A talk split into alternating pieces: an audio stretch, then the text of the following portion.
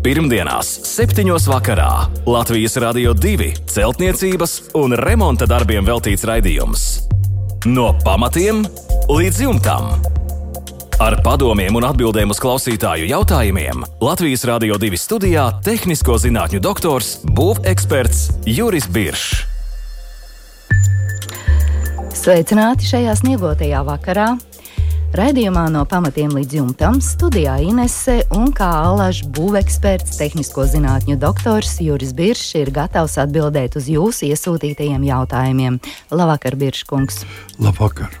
Ceru, ka ceļā nenosalāt. nu, vispār jūtami. Jūt, jūt, jūt. Kož, kož, kož degunā, kož nu, rokās, kož, kož vaigos. jā, tā ir. Bet Egla doma laukumā noteikti jūs priecēja.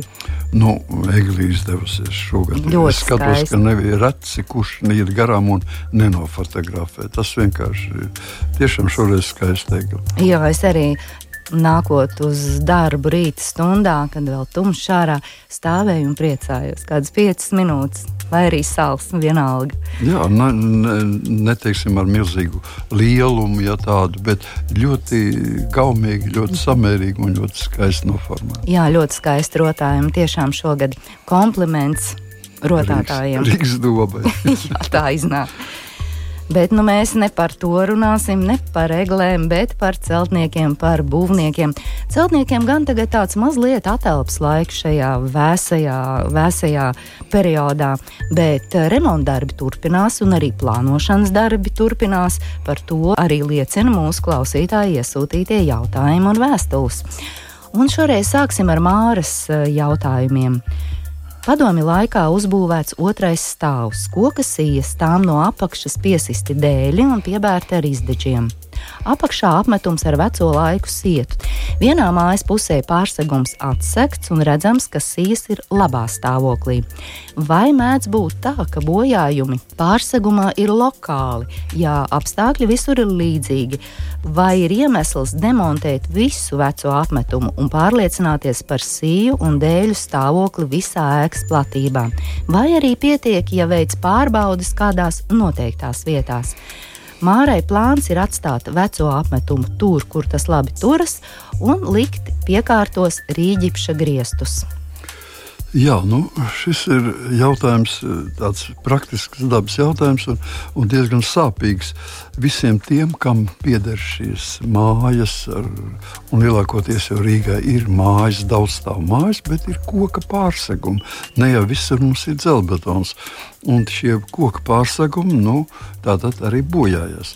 Nu, Māri pareizi uzķērus un pilnīgi pareizi ir skaidrs, ka visi pārsegumi vienādi nebojājas. Un vispār pārsegums bojājas tur, kur viņam ir saskarsme ar mitrumu. Kur tas šāds uh, moments var gadīties? Nu, tikai tajās vietās, kur pārseguma sijas tiek balstīts. Tātad balstvies, tas nozīmē apkārt viss par sienu teiksim, par nesošām sienām, teiksim, kur balstās šīs sijas, tās varētu būt mm, bojātas vietas. Tālāk ap skursteņiem, ap teiksim, jebkura veida kaut kādiem mūrējumiem iekšā, kur saskarās ar kur, kur balstās šis koks. Tad, tad tur varētu būt meklējumi. Visā laidumā, laidumā parasti tas nenotiek. Laidumā tas var notikt tad, ja laidumā kaut kur pa vidu, teiksim, bēniņos mums ir caursjums, un tur visu laiku ūdens pil, un tad šis koks varētu būt. Pa, parasti jau skatās no tās vietas, kur ir bojāts pārsegums. Un pārsegumu mēs parasti pamanām ar to, ka viņš ir kaut kur nosēdusies. Teiksim, telpā ir grīda sašķiebusies jau uz vienu pusi. Tātad tajā pusē, kur ir sašķiebusies, mums ir aizdoms, ka tur ir puvušas sijas, samazinājies ir augstums uz slīpu, veidojas, veidojas slīpums. Vai šeit jau obligāti vajadzētu atsekt un apskatīties. Tāpēc visu sekt, jums visus teiksim, to apmetumu daudzīt no un klapēt galīgi nav vajadzīgs. Ja mēs varam augšpusē attaisīt sijas, tad attaisām visas balstvietas un visur ap um, kurs, kursteņiem, kamīniem. Nu, teiksim, šīs vietas, kur, kur varētu būt vai nu balstvietas, vai teiksim, palielināts svars. Nu, teiksim, es atrodos kaut kādā 3, 4, 5 stāvā, kāda nu, krāsnes. Tad, tad viss šī krāsnes, kas ir tonām smaga, viņa balstās uz kaut ko. Tad, tad viņa ne tikai uz sienas balstās, viņa balstās arī uz pārsegumu. Un, taisim, tāpēc ir ļoti svarīgi izmeklēt tieši šīs vietas. Jā, un, un tad jau var visu arī veco apmetumu atstāt tur, kur Nu, Jā. nav šīs balsta vietas, un tikai pārbaudīt, lai būtu Jā, balsta nu, vietas. Tiksim, teiksim. Ļoti varbūt tas vienu otru tas varētu interesēt, ka, ka teiksim, šis, kā, kā Ines tu teici, ir skaliņi, jā, jā. skaliņi. Lubiņas, kā agrāk lu, sauc. Nu, nē, nē, lubiņas uz jumtiem. Cits kaut kas. Tie ir skaliņi. Skaliņi. Skaliņu, jā, pīti skaliņu, priekš mm, ap, apmetumam, ko pieķerties. Tāda vecās mājās ir ļoti daudz redzēt. Jā, bet tas ir apmēram līdz 1900 gadam. Pirms 1900. gada nebija tāds, bet bija niedras. Vienkārši no niedrēm lika pīna, pīnumus, un, un teiksim, tad šīs niedras tika izmantotas kā kā šie sieti, apmēram tādā veidā. Nu, mūsu laikos nav ne, ne vairāk ne skali, ne, ne sniedrs. Mūsu laikos ir plastmasas nu, jā. Mm, sietiņi. Jā. Citi no, materiāli. Jā, tieši tā. Jā, bet arī Biržkungs, nu noteikti, ja šie bojājumi ir, kā jūs sakāt, salaidumu un balstu vietās, tad arī vizuāli tas ir redzams kā, kā nosēdums un arī kā bojājums no mitruma. Jā, nu, tā tad tur būtu viss jāatsedz un kārtīgi jāpārliecinās. Jā, tur, kur mums parādās, ka kāda no sijām var būt, uh, teiksim, nosēdusies, vai arī kāda, teiksim, vai visa tā puse. Tur obligāti vajadzētu acis kā atkailināt šīs atbalsta vietas, un, un gan arī simtprocentīgi var pateikt, ka šeit ir bojātas šīs. Ko tad dara? Tur vienkārši nu, skatās vai no. Nomaina visā pilnībā šo siju, vai viņus sakot, protezē. Tas nozīmē, ka viņi tiek mākslīgi no abām pusēm esošai sijai, viņi tiek tiek uh, likts atsevišķs plankas klāt, saskrūvēts kopā, un tad to pūšo daļu var izzāģēt ārā. Jā, viss skaidrs. Un tur, kur labi turas vecais apmetums un nav deformācijas, tur to atstāja. Kur Jā. ir kādas aizdomas, tur pārliecinās, kādā stāvoklī tas ir. Ja jāmaina, tad jāmaina, jāveic darbi un var droši pēc tam likt piekārtos rīģipšu griestus, Jā, kad viss ir lūdzu. padarīts. Jā, paldies par atbildi Mārai. Un nākamais Māras jautājums ir šāds. Vai skaņas izolāciju no apakšpuses iespējams būtiski uzlabot rīģipšu vietā, lietojot citu materiālu, vai izmantojot kādu noteiktu skaņu izolācijas materiālu? Virs pārseguma paliek izdeģi, tiek pārbērti, arī sijas izdeģi ar keramzītu pārbērti, virsū peldošā rīģipša grīda. Laikam materiāls tarkets, kas ir skaļš segums, tā raksta Māra. Nu, visi, teiksim, tur lamināti un un parketi ir samērā skaļi. Ja? Tā kā teiksim, tur ar viņiem vienmēr jādomā. Redzi, šeit ir Mārai jādod atbilde, jāsaprot viena būtiska lieta. Materiāls ja mēs runājam par to, ka no, no apakšpuses, kur mēs grūtāk tiekam klāt, ja, tā, protams, ka labāk vienmēr ir, ja mēs tiekam visam pārsegumam, un īpaši no augšpuses, tas ir no, no telpas, kas atrodas virs virs pārseguma, tad ir daudz vienkāršāk. Tas būtu ideāls variants. Jā, mēs varam vienkārši uzreiz jau veidot uz grīdas izolējošu kārtu un uz tās izolējušās kārtas likt virsmu jaunu grīdu. Ja mums tas nav iespējams, mums ir nu, tikai no apakšpuses, tad jā, mēs varam apšūt ar dažāda tipa materiālu. Un šeit ir jāsaprot, jo smagāks būs materiāls, jo labāks būs jūsu rezultāts. Mēs sakam, riģips. Riģips ir samērā smags un tāpēc labs. Ja mēs divas kārtas riģips, es domāju, ka nu, fibrolīts arī nav viegls, bet eh, es domāju, ka tomēr 5 cm fibrolīta mēs zaudējām jau tilpumā, bet divi divi, divi rīķi būs nu, 12,5 mm 2. Tas būs mazāk jau. Tā kā praktiski jāsaprot vienmēr, ka viens kvadrātmetrs, vienalga sienas vai pārseguma. Kas būs smagāks, tas būs arī labāks akustiskais materiāls tādā ziņā, ka viņš nelaidīs tik daudz cauri gaisa skaņas. Arī uz konstrukcijas skaņām mēs varam teikt, ka tam ir lielāks iespējas. Jā, paldies par atbildi Mārai. Turpināsim ar Kaspara jautājumu. Cik pareizi būtu gāzbetona mūrim izmantot gatavās keramzīta betona aiļu pārsēdes? uz vietas veidojamo U-bloku vai gatavo gāzbetonu pārseģu vietā. Sienas pēc tam tiks siltinātas. Nu, ja sienas tas ir galvenais, ko arī e, Kaspars saka, Tātad sienas tiks siltināts. Ja sienas tiks siltināts, mums jau rodas iespējas. Ja? Jo jebkurš cilvēks sapratīs, ka gāzbetonam ir viena siltumvadāmība, keramzīta betonam ir cita siltumvadāmība. Viņam ir daudz labāka keramzīta betonam siltumvadāmība, kas ir slikti. Tas nozīmē, ka labāk pada siltumu un tā tad uh, nu, tā caursalšana ir ātrāk iespējama. Tāpēc tādās vietās, ja teiksim, mēs gāzbetonu parasti reti, kad, bet tomēr siltina. Ja mēs negribam siltināt, tad mums šai vietā ir jāorganizē, lai būtu keramzīta betona ailes teiksim, tajā zonā, jābūt liela, lielākai siltumizolācijai. Bet, ja vi, mēs zinām, ka siena tiks siltināta, tad, tad viņš varētu arī būt ne papildus biezums nebūtu vajadzīgs. Mēs viņu vienkārši visu siltinām ar nedaudz lielāku siltu, siltumizolāciju, kādas būtu vajadzīgas. Nu, piemēram, ja mēs 3 cm gribam likt virsū gābetona sienas, mēs liekam 5. Ja mēs gribam 5 vietā, liek, mēs liekam teiksim, 7,5 cm. Tādā veidā mēs varam, jo īpaši tas būtu svarīgi ne tikai keramzīta betona aiļu vietā, bet īpaši tas būtu betona, ja būs smagā betona ailes, kas ir īpaši augstuma tilta. Šeit ir ļoti uzmanīgi. Tad jau viņas pabīda vairāk uz iekšpusi un, un to līdz uh, sienas virsmai kompensē ar kādu no siltumizolācijas materiāliem. Jā, Biržkungs, viss skaidrs. Paldies par atbildi Kasparam.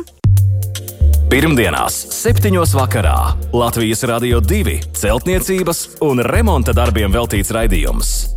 No pamatiem līdz jumtam.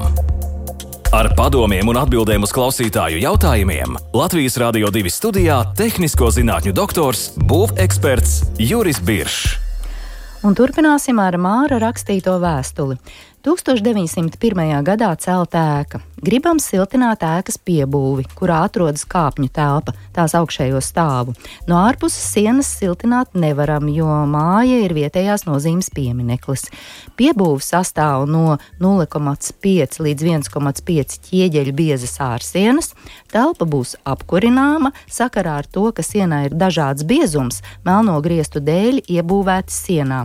Un vēlamies siltināt ar 100 mm putu plastu, kuru apstrādātu ar dekoratīvo apmetumu. Varbūt jūs, Biržkungs, varat piedāvāt Mārim labāku risinājumu. Šāds ir jautājums. Jā, nu šeit ir, godīgi sakot, diezgan iespējas ir ļoti dažādas un var piemēroties gan vienam, gan otram gadījumam. Nekas jau ļaunu nenotiks. Vienīgais jāsaprot mums tas, ka būs siltinošana no iekšpuses. Uzreiz momentā atceramies siltinošanu no iekšpuses. Tas nozīmē, ka uh, siltajā pusē mums jāliek ir pēc valsts standarta un pēc būvfizikas likumiem jāliek ir uh, tvaika izolācijas plēvi. Jāliek. Tas, protams, neatiecās Mm, vismaz subjektīvi es tā uzskatu, ka tas neatiecas uz tādiem materiāliem, kas uzsūc mitrumu, bet uz visām minerālu vatēm, stikla vatēm, akmens vatēm, izdeču vatēm. Tas ir spēkā. Tāpēc tas būtu vienkārši jāņem vērā. Tāpat tas, tas ir spēkā arī uz putuplastu. Jo putuplasts ir materiāls, kas neuzsūc tik labi šo mitrumu, bet kondensējušie procesi notiks tik un tā. Tāpēc Es eh, no savas puses neieteiktu siltināt ar 100 mm putu plastu, bet eh, varētu, teiksim, iekon, nu, es nezinu, vai tas ir iekon, bet apmēram naudas izteiksmes būtu tas pats. Apmēram 50, tas ir divreiz pa divu, divu, 25 mm, kopumā 50 mm ar mīkstām kūšiem plāksnēm. Es labprāt to nomainītu. Jeb arī, ja tiešām gribas simts, tad jau var veidot karkasu un pildīt viņa ar ekovātu. Šie materiāli, visu mitrumu, kas radīsies tāpat tās kondensāta ceļā no iekšā siltā gaisa, saskaroties ar augsto sienu, mm, bet viņi paliks šajā materiālā. Materiāls viņu uzsūks. Tāpēc, ja mēs nebaidāmies, ka var veidoties tomēr kaut kādas mitruma parādības, ja, kuras var mm, sienas apakšējā daļā ļoti spēcīgi parādīties, tad es iesaku lūk, nomainīt putu plastu ar kaut ko organisku uzsūcamu. Mm -hmm. Un kāds šādā gadījumā būtu šis sienas pīrāga veidojums? Nu, šajā gadījumā es teiktu, siena uz sienas bez, bez nekādas sagatavas. Mēs iekšpusē liekam virsū mīkstās kokšķiedru plāksnes. Mēs vai līmējam, vai viņus ar dībeļiem stiprinām, un viena kārta ir 2,5 cm. Nākamā kārta mēs varētu jau ar, ar industriālo, tas ir rūpniecisks nozīmes skavotāju, vienkārši skavot klāt. Un tad apmetums. Vai arī, ja tā ir piebūve un tur nekādas īpašas estētiskas prasības nav, var atstāt arī tāpat tas. Mm -hmm. Jā, paldies par atbildi Mārim. Jautā klausītājs. Nākamais jautājums. Vai pieļaujams, ka gāzes apkurss katls novietots starp bieza mūra sienu ar PVC pakašu logu un ugunsdrošā rīģipšu sienām, kas atdala katla telpu no dzīvokļa? Vai sprādziena gadījumā nostrādās lokus, vai arī drīzāk rīģipsis. Nu, protams, mūsdienās gāzes katli ir droši un redzēti arī telpās bez logiem dzīvokļu vidū un kalpo ilgus gadus. Nu, cik tas būtu droši, ko jūs teiktu? Priekškungs, mm, ir nu, tāda situācija pieļaujama. Situācija ir nu, saka, diezgan, diezgan tāda neskaidra situācija. Jo, redziet, ja aiz šīs riģipšas sienas būs ļoti brīvi, ļoti lieli uh, logu laidumi un teiksim, kaut kādas ventilējušas atveres, teiksim, vasaras laikā atvērts lokus, tad, protams, ka izspiedīs, izspiedīs nevis pakešu lokus ir ļoti izturīgs, bet šo riģipšu sienu. Tāpēc šeit ir sakarībām jābūt. Es teiktu tā, lai, lai tā sakot, uh, nu, lai aita būtu dzīva un, un, un vilks būtu paēdis, šajā PVC pakaļš logā mēs ierīkojam ventilācijas restīti. Un šī ventilācijas restīte ir sava veida gaisa piekļuve, diezgan brīva. Un tādā gadījumā es domāju, ka noteikti nostrādās mm, šis lokus, bet nevis lielā virsma, ja kāda ir. Jo šajā gadījumā loga virsma ir daudz mazāka un, un teiksim, sienas Riģipša virsma ir daudz, daudz lielāka, un tur viņš sadalās šis spiediens. Tāpēc nevajadzētu orientēties uz šādu sprādzienu iespējamību. Protams, ka mūsdienu katli daudz ir droši, bet viens, kas ir jāno, noteikti jāņem vērā, ir, lai cik būtu drošs katls, viņam jābūt telpā, kurā atrodas katls, ir jābūt ventilācijas ierīcei. Tātad šī, šis PVC pakaļš lokus bez uh, ventilācijas restītēm nav pat pieļaujams. Ja? Šai gadījumā obligāti ir tas vajadzīgs, lai ne tikai mēs slēptos no sprādzieniem, bet lai mēs slēptos no izmešiem, no dažādām gāzēm, kas var būt kaitīgas mums. Nu jā, protams, katla telpā jābūt labai ventilācijas sistēmai. Jā. Vai tā ir logā, varbūt tā ir savādāk veidota, bet jā, tā ir jābūt. Tieši tā. Tātad viņa varētu būt gan eh, tieši logā, gan speciāli arī veidot. Un parasti jau tādās telpās vispār neļauj likt nekad. Es cik es zinu, tad inspekcija neļauj likt gāzes katlu vai, teiksim, vienalga kādu citu katlu, ja šeit nav ventilācijas. Nu, noteikti māja jau tiek nodota eksploatācijā, Tieši un visi šie noteikumi ir pietiekami stingri. Tieši tā. Jā, paldies par atbildi.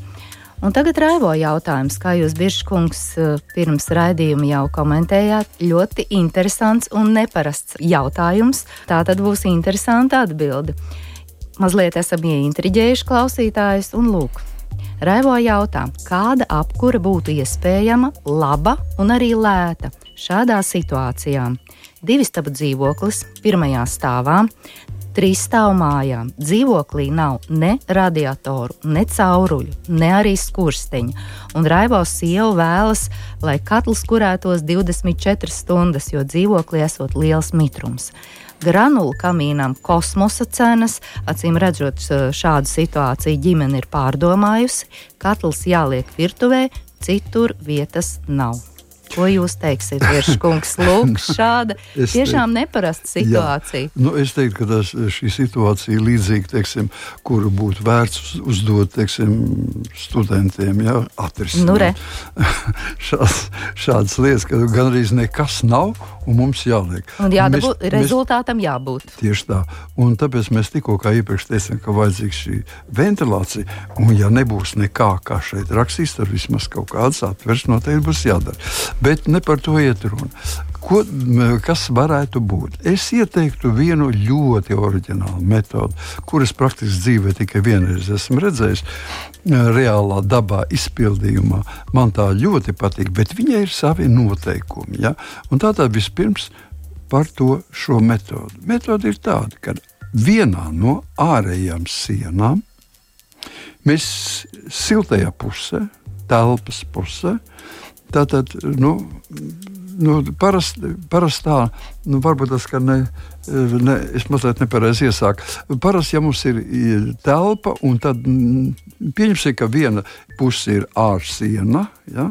Jā. Kur logi, un pa vidu vēl ir nesošā šķērsiena, tas ir garantsiena, un tātad viņa, viņa nav it kā ārsiena. Ja? Bet izvēlamies to sienu, kura nav ārsiena. Un uz šīs sienas visā platībā, no augšas līdz apakšai, iestrādājam speciālu elektrokabeli, kurš tātad tiek iestrādāts māla kārtiņā. Māla kārtiņa, nu, daži centimetri, ne vairāk. Un, teiksim, viņš silda. Nu, jūs saprotat, šeit nav runa par kaut kādu karsēšanu, bet sildīšanu. Un sildīšana tas nozīmē kaut kur nedaudz virs nu, līdz 30 grādiem. Un mēs radām, teiksim, viss tas siltums iet cauri visai istabai uz logu pusi, un tad mēs radām pilnīgu tādu normālu ventilējušu kustību siltumam. Es pats biju šajā, šādā telpā, un telpā nav neviena radiatora, nav neviena caurule, un praktiski logos ir ir šīs eh, pakaļš logi. Tātad šāds siltinājums būtu ļoti lēts. Jūs saprotat, izveidot šo kabeļu čūsku veidu, kā siltinām grīdas, ja? Teiksim, sildošā grīda. Aptuveni līdzīgi varētu būt. Bet uh, tur nekā cita vairāk arī nav. Protams, nedaudz ir jāpadomā par elektrisko schēmu, lai viņa būtu droša un lai mēs varētu vērti tikt klāt, bet mums ir sildoša siena. Es teiktu, ka tā ir ideāls risinājums tikai ar vienu liels, liels tomēr tāds nu, sakot, vērā ņemams faktors, kas ir jāzina visiem. Pirms mēs ķeramies pie šāda eksperimenta, ja, tātad cilvēkam ir jāzina, kā viņš reaģē uz elektromagnētiskām starojumiem. Arī visās tajās te, teiksim, grīdās, kur mums ir apsildāmas grīdas, mēs ne, neiesakām veidot apsildāmo grīdu, teiksim, no guļamistabās, ja, bet mēs to sadzīves istabā, virtuvē, koridoros, vannas istabās, tur mēs viņu pielietojam. Un cilvēkam jāzina, vai viņš jūt vai nejūt. Piemēram, nu, teiksim, ja cilvēks ļoti jutīgs pret šiem elektromagnetiskiem svariem, tad mēs nevaram to likt. Jo viņ, šis elektromagnetiskais starojums ies cauri visai šajā istabā. Viņš būs palielināts. Par to mazākās šaubas nav. Ir cilvēki, nu, lielākā daļa tie ir. Piemēram, es pats tāpat maz jūtu viņu, un man, piemēram, šāds apkurss sistēma visā pilnībā derētu. Tātad vēlreiz atgriežamies pie sākuma. Ja to var izturēt, ja to var, un var panest visi mājas iedzīvotāji. Tad var dabūt ļoti lētu un ļoti, es teiktu, ļoti efektīvi. efektīvi jā. Katrā jā. gadījumā ļoti efektīvi. Jo visos citos gadījumos, eh, ņemot vērā, ka nav ne radiatora, ne caurumu, ne pats skurstenis, no, kur tad mēs eh, kamīnu liksim? Ja, ja cilvēki grib likt kamīnus, uzmanīgi jābeido skurstenis kaut kāds, izējas kaut kāda cauruma jāsit iekšā. Šajā gadījumā nekas jums nav jādara. Tikai jāuzliek uz sienas virsū lūk šis apslēptais kabeļtīkls, kurš veidos šo nelielo siltu, bet izstaros elektromagnētisko starojumu. Jā, šajā gadījumā atvērs nav nekur jāveido, jāpārliecinās, ne. vai visiem mājas uh, dzīvokļu iemītniekiem tas ir pieņemams, un vēl bišķkungs vajag brīvu sienu. nē, nē, tas nenozīmē, ka viņai jābūt nepārtraukti. Nu, teiksim, siena. Mēs apkārt durvīm, durvju ailām, visam to varam veidot. Tā apstrādāt. Jā, nu, mhm. tas ir zem, zem, zem gleznām. Zem. Gleznas arī vietas varam noiet no nē, nē, tas, tas ir atbrīvošana un mēbeļu lieta. Protams, jā, ja tas ir sienā, skāpja priekšā. Nu, jā, mēs, plauktiņa skāpja. Tas neder. Tas neder. Šai sienai jābūt ir tomēr mm, brīvai. Salīdzinoši brīvai. Nu, jā, divi starp dzīvoklī, nu, tur ir kārtīgi jāpārdomā. Tur ir jāpārdomā, bet ja īpaši ir kopēja siena abām, tas ir ļoti izdevīgi. Mm -hmm, mm -hmm. Bet to Nu, droši vien jau pašu spēkiem, nu, diez vai to varētu Cik izveidot, zinu, vai var cilvēks, konsultēties. Kas, eh, nē, cilvēks, kas ir tiešām jā, speciālists, eh, nu, viņam ir saprašana par artiskām lietām, viņš to izdarīs pats, bet tā tā to izdarīt var, to varētu pasūtīt vienkārši jebkuram, teiksim, konsultāru birojam, kas nodarbojas ar šādu šādu lietu. Vai arī, es domāju, ja cilvēkam ir zināšanas mm, teiksim, elektrībā, tad elektrotehnikā, tad šie jautājumi nav grūti. Jā, paldies, Biržkungs, par šo ļoti interesanto un neparasto piedāvājumu. Līdz ar to arī šovakar mūsu raidījums tuvojas izskaņai. Atgādināšu mūsu e-pasta adresi remonds at lr2.lv, sūtiet vēstules, pievienojiet fototēlus, jautājiet. Arī caur mūsu mājaslapu varat iesūtīt jautājumus un klausieties mūsu arī populārākajās podkāstu straumēšanas vietnēs. Bet šovakar, lai jums mierīgs, jauks, silts vakars un tiekamies pēc nedēļas. Visu labu! Pirmdienās, 7. vakarā Latvijas Rādio 2 celtniecības un remonta darbiem veltīts raidījums. No pamatiem līdz jumtam. Ar padomiem un atbildēm uz klausītāju jautājumiem Latvijas Rādio 2 studijā - tehnisko zinātņu doktors, būveksperts Juris Biršs.